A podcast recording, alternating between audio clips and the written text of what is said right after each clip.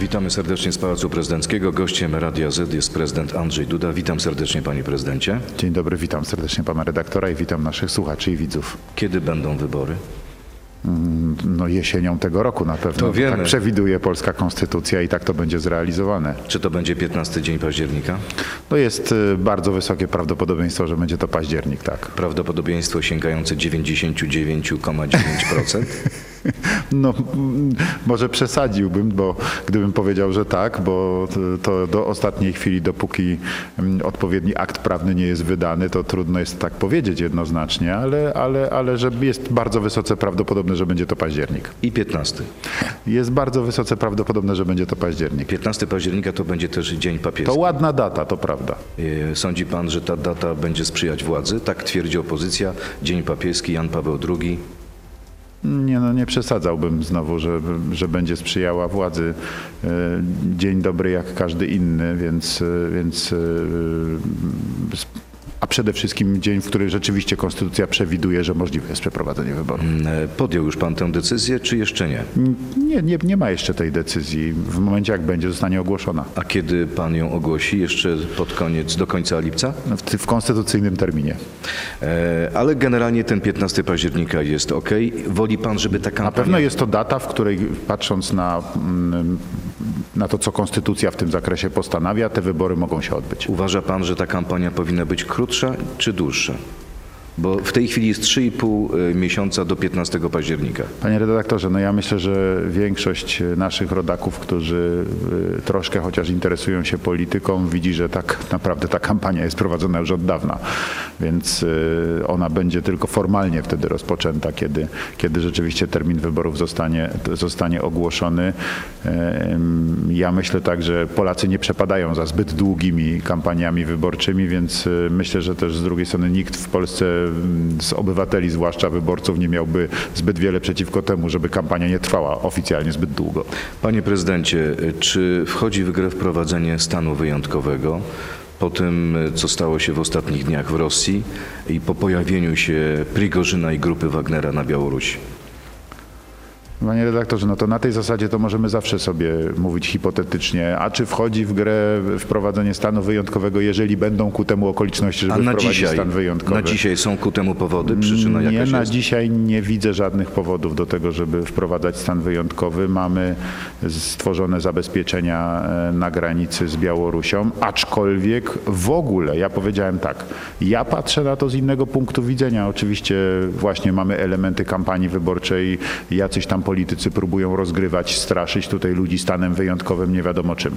Natomiast faktem jest, że w momencie, w którym taka formacja jak grupa Wagnera w istocie zostaje relokowana przez e, Rosję tak naprawdę na Białoruś, że być może kilka tysięcy mm, najemników grupy Wagnera nagle znajdzie się na Białorusi. Oficjalnie to nie są żołnierze rosyjscy, e, gdzie jednocześnie znajdzie się również Prigorzyn, tak, czyli li- powiedzmy nieformalny lider tej grupy, gdzie jednocześnie słyszymy o tym już od pewnego czasu, że e, Rosja ma zamiar dokonać relokacji e, taktycznej broni nuklearnej, to na pewno są to informacje, które mają ogromne znaczenie dla NATO ponieważ one wpływają na kwestie architektury bezpieczeństwa w ogóle w naszej części Europy, a ja bym nawet powiedział na świecie. Ale opozycja mówi, że muszą być podejmowane odpowiednie decyzje opozycja boi się, że ta sprawa, ten niepokój za naszą wschodnią granicą może być wykorzystany przez władze, być może także przez pana,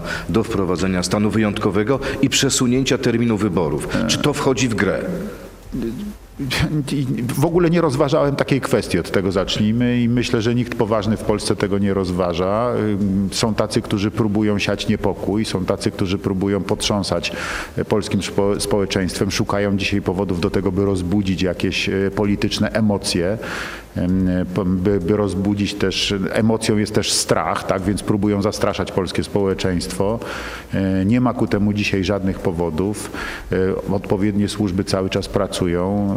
E, Mogę z całą odpowiedzialnością powiedzieć, że trzymamy rękę na pulsie, bardzo bacznie obserwujemy również to, co dzieje się na Białorusi w miarę naszych możliwości. I, I ja mówię, nie widzę dzisiaj żadnych powodów do tego, żeby budować jakieś tutaj w Polsce Polsce mm, specjalne ym, ym, poczucie ym, zagrożenia czy czegoś takiego, ponieważ jest to nieuzasadnione w tym momencie. Panie prezydencie, e, ale czy pre, wicepremier Kaczyński konsultował z panem tą decyzję o wzmocnieniu granicy? Czy ta decyzja jest słuszna? Oczywiście, że słuszna jest decyzja o wzmocnieniu granicy, ponieważ rzeczywiście e, sytuacja z całą pewnością się komplikuje. I to jest normalna, spokojna reakcja na to, co słyszymy. Ale co nam może grozić ze strony grupy Wagnera? Co nam może grozić konkretnie ze strony Prigorzyna? Czy na przykład można sobie wyobrazić sytuację, że e, część tych najemników, tych seryjnych morderców podchodzi pod mur na granicy polsko-białoruskiej i próbuje wypychać tych biednych imigrantów? No oczywiście, że możemy sobie wyobrazić taką sytuację. Czy są informacje wywiadowcze, które mówią, że to jest prawdopodobne? Ja takich informacji nie otrzymywałem e, dokładnie o takiej treści, jak pan redaktor mówi. Mogę to z całą odpowiedzialnością powiedzieć. Natomiast oczywiście, że jest to prawdopodobne. Jeżeli będzie rzeczywiście tak, że e, ci najemnicy grupy Wagnera znajdą się na Białorusi, to do jakich celów zostaną wykorzystani? To jest właśnie znak zapytania, który dzisiaj stawia sobie e, także i między innymi właśnie NATO. Tak? To przywódcy państw NATO stawiają sobie dzisiaj ten znak zapytania. Dokładnie między innymi to dyskutowaliśmy w Hadze. Po co, je, po co następuje relokacja grupy e, Wagnera e, na Białoruś? Czy chodzi o to, żeby stwarzać od północy zagrożenie dla Ukrainy i generować to, żeby, żeby obrona Ukrainy musiała zabezpieczyć jednostki, które będą chroniły dodatkowo granice od północy, dlatego że, dlatego, że tam nagle zostaje e, zgromadzona grupa Wagnera? Czy chodzi o to, żeby potencjalnie wywoływać poczucie zagrożenia po stronie NATO, gromadząc ich w pobliżu y, granicy y, tak wschodniej flanki NATO? No, te pytania właśnie sobie zadawaliśmy. Panie prezydencie, był pan dwa dni temu w Kijowie. Ukraiński wywiad już dzisiaj twierdzi, że tam toczy się walka na Kremlu, że już te wieże Kremla ze sobą walczą i lada moment nawet mogą być pewne zabójstwa. Czy pan ma również takie informacje? Co tak naprawdę dzieje się według y, pańskiej wiedzy w Moskwie dzisiaj? Powiedziałbym, że tego typu rozważania są jednak mimo wszystko dzisiaj absolutnie spekulacjami. To, to jest ukraińska propaganda? Nie, są to spekulacje, dyskusje. No, na pewno coś się stało, tak? Wszyscy to widzieliśmy. Jest to jakaś sytuacja zupełnie wyjątkowa, która od wielu, no chyba można powiedzieć dziesięcioleci w Rosji nie miała miejsca. E, Coś takiego jak, jak, jak bunt grupy Wagnera, to co obserwowaliśmy w ciągu ostatniego weekendu, jest kwestią w ostatnich dziesięcioleciach bez precedensu w Jest potencjał zamachu W stanu? związku z powyższym, no, to, to są właśnie pytania, które wszyscy sobie zadają, tak? Czy jest potencjał zamachu stanu? Między innymi dlatego się dyskutuje, a co się w takim razie dzieje na Kremlu, a czy przypadkiem nie szykuje się zmiana władz w Rosji, ale to proszę pamiętać, że to jest też temat, który jest przedmiotem jakichś tam dyskusji, rozważań, debat y, od samego początku tej wojny, gdzie, gdzie, gdzie mówi się, na pewno są jakieś elity rosyjskie niezadowolone z tego, że Putin tą wojnę rozpoczął. Em, Ta, ta wojna nie toczy się po myśli Putina, pewnie będą chcieli. No, cały czas tego typu rozważania są prowadzone i w tej chwili one też są prowadzone, tylko że w sposób no, absolutny przybrały na sile. Przyczyny tego są obiektywne, to co obserwowaliśmy w ciągu ostatniego weekendu. Być może rzeczywiście może dochodzić do jakiegoś przesilenia na Kremlu, ale pewności nie ma żadnej. Panie prezydencie, w wywiadzie dla Interi powiedział pan, że dzisiejsze władze ukraińskie mają więcej zrozumienia dla sprawy Wołynia niż ich poprzednicy. I na to zareagował kapelan rodzin y, wołyńskich ksiądz Tadeusz Isakowicz-Zaleski, y, który ma panu za złe, tu jest cytat, że odbył pan kolejną wycieczkę na Ukrainę na koszt podatnika i znowu pan nie miał odwagi zapalić zniczy i pomodlić się nad dołami śmierci. Zdaniem księdza to hipokryzja i tchórzostwo. Co pan mu odpowie? No, pod, odpowiem tak, y, no mm, ja bym mimo wszystko jednak wolał, gdyby ksiądz Isakowicz-Zaleski zajmował się tym, czym powinien zajmować się ksiądz. Czyli nie ma prawa wypowiadać się w tej sprawie? Ja bym wolał, żeby nie zajmował się polityką, tylko zajmował się tym, czym powinien zajmować się ksiądz. Czy jest szansa na to, że Natomiast my prowadzimy spokojną politykę, nie politykę y, biegania y, z widłami, tylko politykę y, spokojnego szukania porozumienia w sprawach trudnych historycznie, które liczą sobie wiele dziesięcioleci.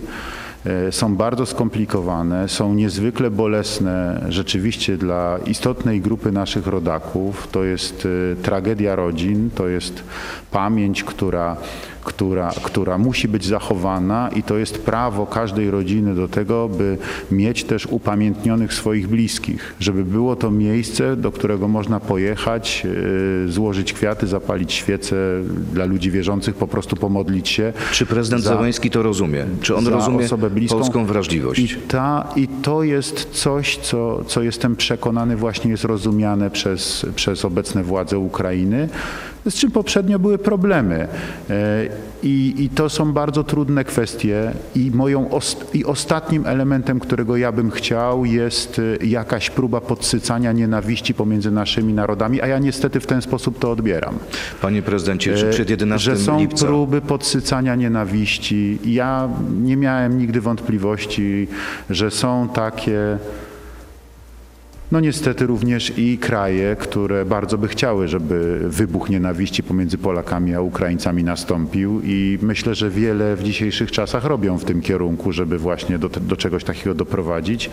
Bardzo poważnym naszym zadaniem dzisiaj także jako polskich władz, ale wszystkich ludzi w Polsce odpowiedzialnych, którzy zajmują się sprawami publicznymi jest prowadzenie tych spraw tak, żeby one pomiędzy naszymi narodami, pomiędzy Polakami a Ukraińcami układały się na zasadach wzajemnego szacunku, wzajemnego zrozumienia, ale także i sprawiedliwości i em, szukania wspólnej przyszłości, bo ta przyszłość jest najważniejsza. Dzisiaj naszym podstawowym zadaniem jest e, spojrzenie na to, w, jakim, e, w jakiej rzeczywistości e, będą żyły nasze dzieci, w jakiej rzeczywistości będą żyły nasze wnuki, e, jaka to będzie środkowa Europa, jaka to będzie Polska, jaka to będzie Ukraina, jakie to będzie sąsiedztwo, e, czy będą mogli żyć e, w spokoju, e, spokojnie się rozwijając, spokojnie budując swoją przyszłość. To właśnie chciałbym im zapewnić i mam nadzieję,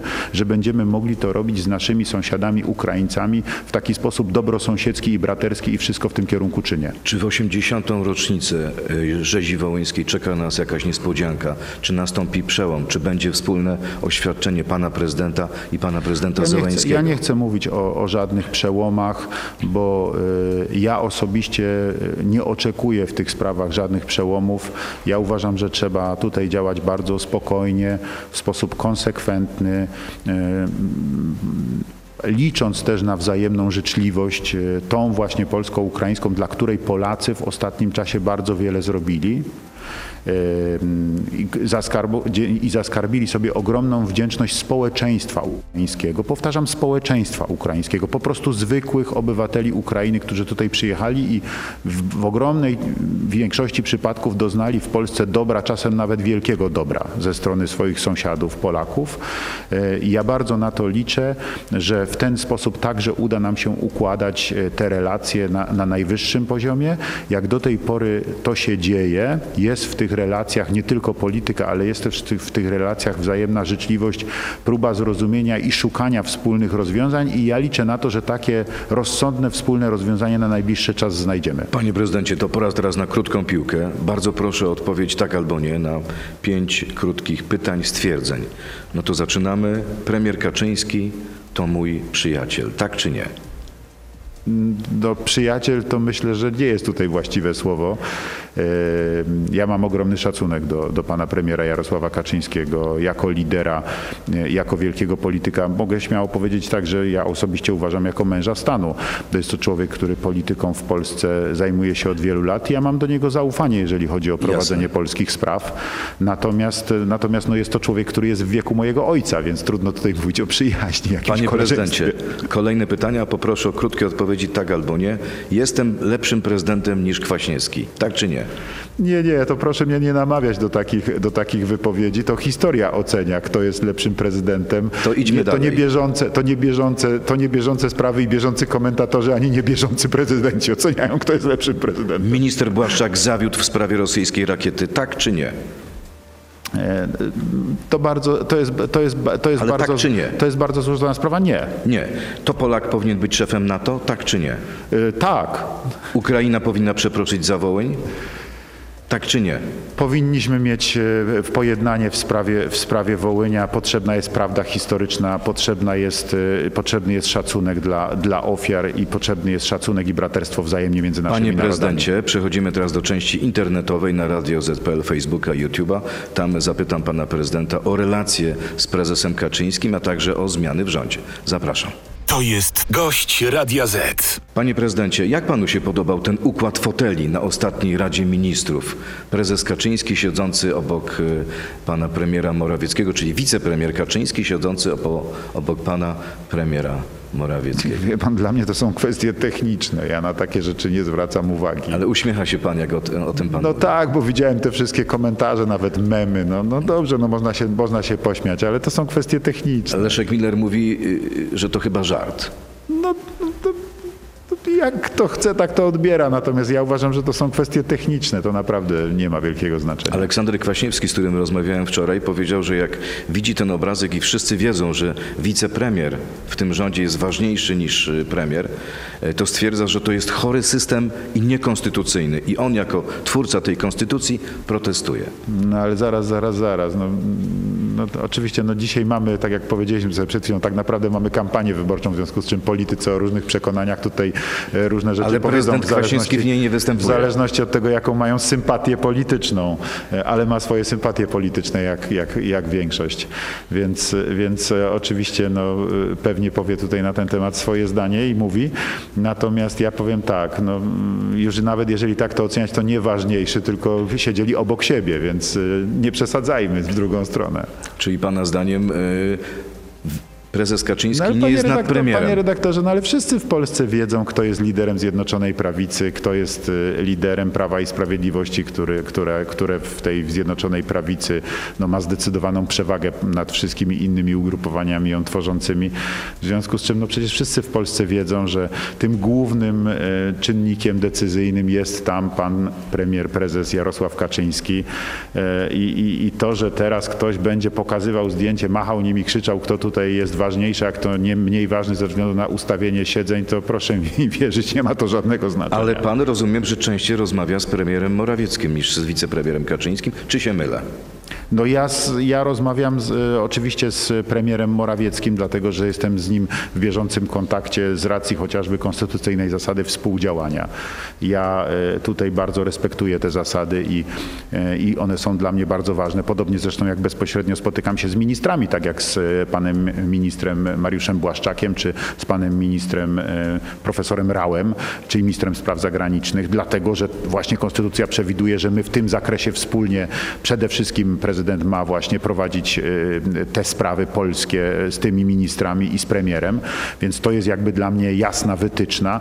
Natomiast oczywiście mam też spotkania z panem premierem Jarosławem Kaczyńskim, choćby wtedy, kiedy spotykamy się tutaj dyskutując te najważniejsze kwestie bezpieczeństwa, tak jak ostatnio w Biurze Bezpieczeństwa Narodowego mieliśmy właśnie takie spotkanie nagłe, oczywiście w sobotę wieczorem po to, żeby, żeby, żeby usiąść i dokonać pewnego Opozycja podsumowania. mówiła wtedy, że, że zaspaliście, że, że pan rząd zaspali. No, ale to Że opozycja- trzeba było tą naradę zrobić wcześniej, w sobotę Panie rano. redaktorze, ale myśmy mieli naradę w sobotę rano, bo myśmy byli przez cały dzień ze sobą w kontakcie, a wieczorem spotkaliśmy się tylko po to, żeby dokonać pewnego podsumowania mm, y, właśnie pewnej reasumpcji całej sytuacji, żeby, żeby móc, żeby móc y, zdecydować, co na przyszłość, jakie, choćby właśnie to, bo między innymi kwestią dyskutowaną było to, czy podnieść stan gotowości polskiego wojska.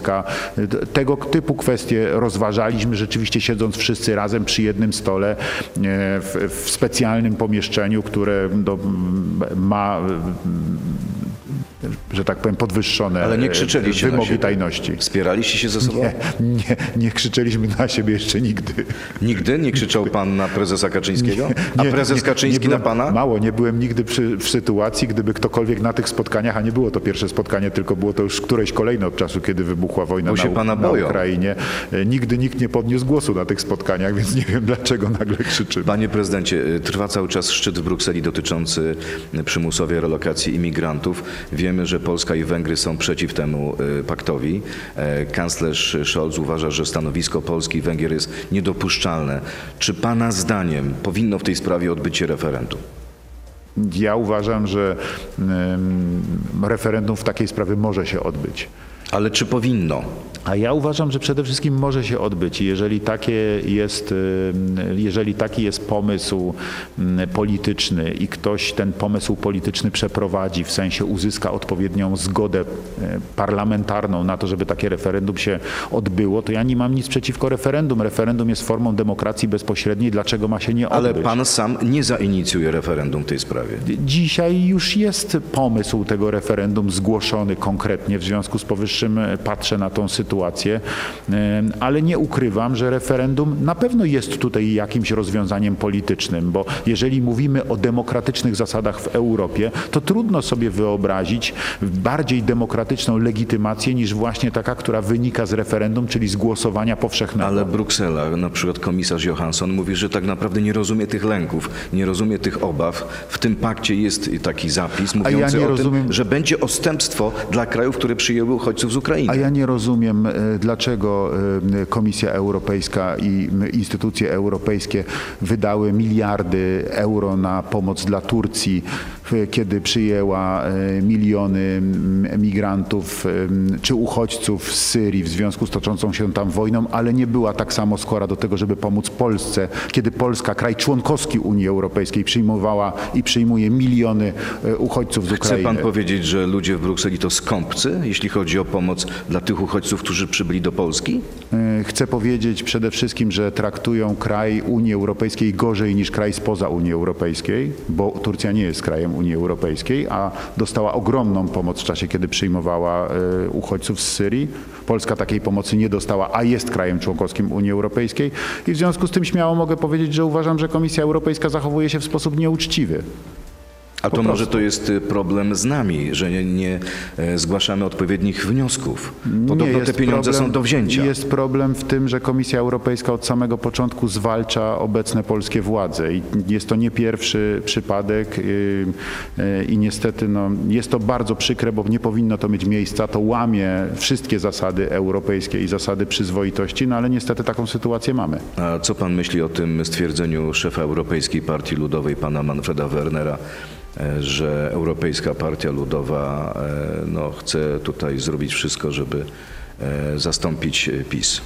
No właśnie ono jest najlepszym dowodem tego, co przed momentem powiedziałem, że Komisja Europejska, która dzisiaj w przeważającej mierze składa się z polityków Europejskiej Partii Ludowej właśnie, czyni wszystko po to, aby odsunąć swoich konkurentów politycznych od władzy w Polsce i aby usa- usadowić na tym fotelu wygodnego sobie i y, swojego kolegę, y, który, z, którym, z którym razem będzie tutaj podejmowała decyzje co do Polski. O kim pan myśli? No jak to? A kto był przewodniczącym Europejskiej Partii Ludowej nie tak Uważa pan, że Europejska Partia Ludowa, Unia Europejska zrobi wszystko, żeby premierem został e, Donald Tusk? Nie Unia Europejska, nie Unia Europejska, tylko, Europejska grupa Partia Ludowa. polityków, grupa Okej. polityków, która dzisiaj zasiada na najwyższych stanowiskach w instytucjach europejskich. Minister Ziobro e, mówi, że Weber to bezczelny szwab. Pan akceptuje takie słowa? Yy, Ja uważam, że w emocjach różne rzeczy się mówi także i w polityce, natomiast yy, powiem tak, no ta wypowiedź yy, pana Webera była absolutnie zdumiewająca, ale z drugiej strony dziękuję mu za szczerość. Przynajmniej opinia publiczna w Polsce dowiedziała się, co niemieccy politycy myślą na temat yy, władz w Polsce, Polski, polskiej demokracji, jaki mają do nas stosunek i, i mam nadzieję, że Polacy też wyciągają z tego wnioski. Panie prezydencie, pora na pytania od naszych y, słuchaczy. Jest ich mnóstwo. Y, Zacytuję kilka. E, Panie prezydencie, czy zna pan sprawę pani Doroty z Nowego Targu? Czy zamierza pan coś zrobić, żeby tego typu tragedia nie powtórzyła się kolejny raz? Mówimy o sprawie y, pani, która zmarła, bo na czas nie przeprowadzono aborcji, która zagrażała życiu matki. Ja powiem w ten sposób. E, Różne sytuacje, się, różne sytuacje się zdarzają i nie jest to absolutnie wyłącznie polski problem. To jest e, problem, takie sytuacje, takie wypadki mogą się zdarzyć w różnych miejscach na świecie. E, Przyczyny tego mogą być bardzo różne. E, Opozycja twierdzi, że to jest Mamy e, coraz lep- konsekwencja mamy- mamy- werdyktu Trybunału. Mamy coraz lepiej funkcjonującą służbę zdrowia, a ja powiem tak, wie pan, panie redaktorze, y, aborcję popierać mogą tylko ci, co żyją. Więc tylko ci, którzy jej nie doświadczyli. A jest pan e, trochę wkurzony, może wściekły, że do tej pory Prawo i Sprawiedliwość nie zajęło się pańskim projektem ustawy e, dotyczącym e, przerywania ciąży w przypadku wad letalnych? Nie mam pretensji o takie kwestie, ponieważ to są akurat kwestie dla mnie mało polityczne, a bardzo mocno światopoglądowe e, i, i, w, i w tych kwestiach może być bardzo różna ocena. Mm, Dlatego podchodzę do tego bardzo spokojnie. Kolejne pytanie. Czy nie obawia się pan, panie prezydencie, że swoimi ostatnimi decyzjami, tutaj przykład podpis pod Komisją do Spraw Rosyjskich Wpływów, pozbył się pan szans na międzynarodową karierę po zakończeniu kadencji? Panie redaktorze, jestem prezydentem Rzeczypospolitej po raz drugi. Zostały mi dwa lata do końca kadencji. Ja wiem, po co wybrali mnie moi rodacy. Zagłosowało na mnie grubo ponad 10 milionów ludzi, którzy myślę, że przede wszystkim głosowali na mnie w zaufaniu, że będę prezydentem Rzeczypospolitej Polskiej od początku do samego końca. I w związku z czym o żadnej zagranicznej, o żadnej mojej zagranicznej działalności e, e, w ogóle nie rozmawiamy i nie ma w ogóle takiej mowy. Naprawdę pan nie myśli, co pan będzie robił po 25 nie, roku? panie redaktorze, nie myślę, co będę robił po 25 roku. Będę miał prezydencką em, emeryturę w, tym Polsce. wieku emerytura? nazywa. Proszę mi Jest wierzyć, pan młodym człowiekiem. Panie redaktorze, poradzę sobie, różne już zajęcia w swoim życiu wykonywałem.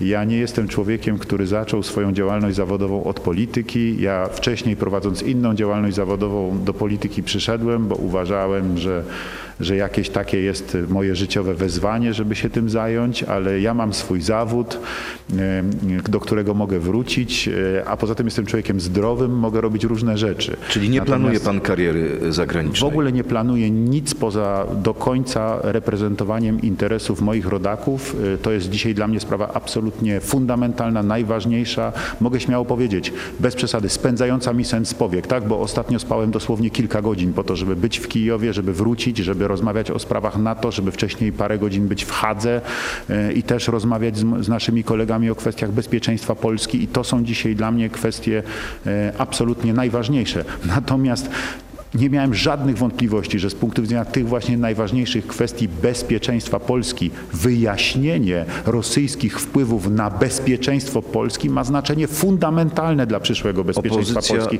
I nie miałem ani chwili zaufania, jeżeli chodzi, zawahania, jeżeli chodzi o złożenie tego podpisu. I dziwiłem się tym wszystkim, e, powiedziałbym, zakłamanym, jakimś pokrętnym komentarzom dziennikarzy, którzy później mówili, ach, Duda zmienia zdanie. Duda nie zmienia zdania. Duda chce, żeby komisja była i to jest absolutnie jednoznaczne. I Ale podpis- cztery dni później, panie podpis- prezydencie, pan złożył nowelizację. Podpis pod, tą, podpis pod tą ustawą był jasny dla mnie i oczywisty. Natomiast od razu powiedziałem, że ponieważ są zgłaszane różne wątpliwości, więc po pierwsze skieruję wniosek do Trybunału Konstytucyjnego i zrobiłem to. Ale ponieważ zauważyłem również bezpośrednio zaraz w kolejnych dniach, że Trybunał po raz kolejny zdjął z wokandy sprawy, które miały być prowadzone, więc powiedziałem dobrze, ponieważ widzę, że są niepokoje społeczne, ponieważ widzę, że sprawa jest pilna, więc te sprawy najważniejsze proponuję, żebyście rozstrzygnęli w parlamencie i złożyłem w tej sprawie projekt ustawy. Ale wie pan, co mówi opozycja? Bo tak że pan naprawdę- zawetował samego ale, siebie. Ale opozycja zawsze będzie takie bzdury opowiadała, a tak naprawdę opozycja również krzyczała, że jest wściekła, bo tak naprawdę to są żadne poprawki, bo komisja i tak będzie. No właśnie, komisja i tak będzie.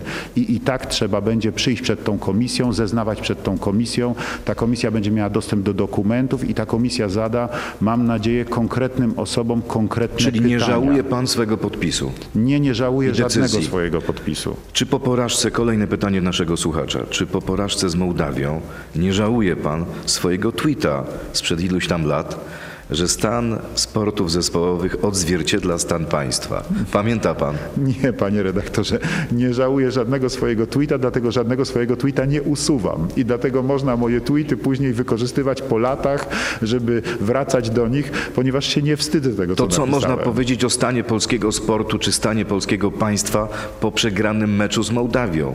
No można powiedzieć tyle, że na pewno należy pilnować tego właśnie, bo to proszę. Oglądał pan ten mecz? Dwa dni wcześniej, czy tak, dwa dni wcześniej był wygrany mecz z, Z Niemcami. Niemcami. No, dwa dni wcześniej wygrany mecz z Niemcami, a dwa dni później przegrany mecz z Mołdawią, tak? No coś jest nie tak, panowie. A to jest wina piłkarzy czy trenera z Portugalii? Ja nie znam się na tym, nie wiem, ale muszą się nad tym pochylić i zastanowić. To może jest kwestia jakiś y, też i a może przemęczenia zawodników, może to jest y, kwestia tego, że zawodnicy po prostu zlekceważyli Może przeciwników, przeciwników z Mołdawii, uważając, że tak zwanym spacerkiem wygrają ten mecz i nie trzeba się wysilać. Już prowadzili, w związku z czym może uznali, że mecz jest wygrany i że już nie trzeba grać. Nie wiem, Ale grać trzeba do końca. a grać trzeba do W końca. polityce i w sporcie. No ja wiem o tym najlepiej. Robert, y, Robert, pan Robert. Panie prezydencie, jak się panu podoba zarządzanie TVP pod przewodnictwem prezesa Matyszkowicza? Uważa pan, że wszystkie wiadomości i serwisy TVP Info są obiektywne? Czy wszystkie partie pana zdaniem są obiektywnie przedstawiane? Pozdrawiam pana, panie Muszę, prezydencie. muszę tutaj rozczarować widza i powiem tak, no wie pan, przepraszam najmocniej, ale niestety jest tak, że nie mam czasu siedzieć przed telewizorem i oglądać e, wszystkich serwisów TVP, e, TVN, Polsatu i, i innych telewizji. To trochę unik, panie No prezydencie. ale tak jest w praktyce. Patrzę na pewne skrótowe zbiory informacji, e, które są tutaj dla mnie czy to przygotowywane, czy sam e, mając różne środki takie jak, jak iPad, czy, czy, czy, jak, mm, czy jak komórka e, na bieżąco e, też i sprawdzam informacje w internecie w różnych źródłach, na różnych portalach po to, żeby być na bieżąco, tak? Poza tym, co otrzymuję na bieżąco od moich współpracowników.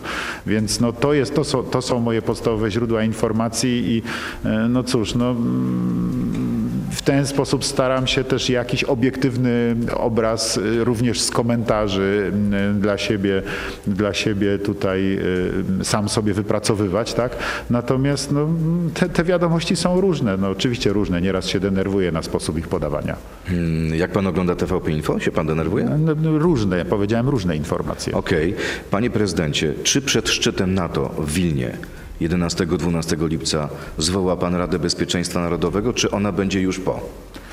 E, Nie widzę potrzeby zwoływania Rady Bezpieczeństwa Narodowego na ten moment e, przed szczytem NATO. Przed szczytem NATO my mamy mm, pełną jasność co do tego, nad czym mamy pracować i, i, i trzymamy rękę na pulsie wszystkich spraw na bieżąco.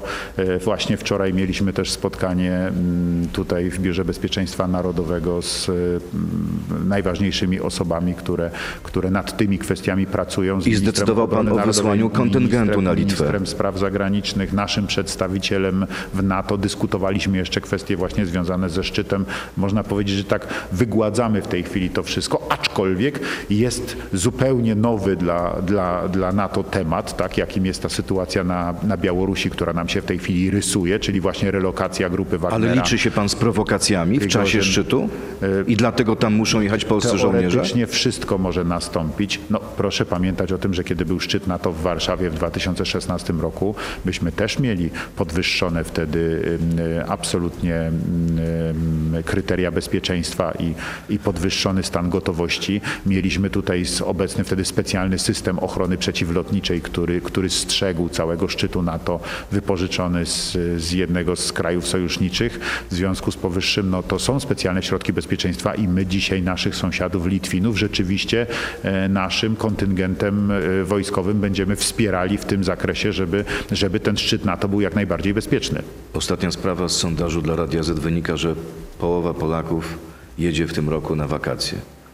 A pan? Gdzie pan się wybiera? No ja bym wolał, żeby więcej Polaków jeszcze pojechało na wakacje niż połowa. Ehm, Cieszyłbym się, gdyby wszystkie dzieci miały wakacje przede wszystkim, bo to jest jakby najważniejsze. Konstytucja nie przewiduje wakacji prezydenta. Ale nie będzie pan w swojej posiadłości w Juracie? Czy To nie jest moja posiadłość, to jest państwowa. rezydencja jest prezydencka, państwowa, w tym sensie. Tak, państwowa posiadłość, z Czyli której prezydenci? Rzeczypospolitej mogą korzystać rzeczywiście, choć, choć e, z czego jestem bardzo dumny jako Polak, e, Jest ona rzeczywiście przygotowana jeszcze przez prezydenta Kwaśniewskiego na takim poziomie, że można tam zaprosić śmiało prezydenta Stanów Zjednoczonych i, i jest to absolutnie godne miejsce. Zresztą prezydent Stanów Zjednoczonych był tam kiedyś, e, zaproszony przez prezydenta Lecha Kaczyńskiego jeszcze.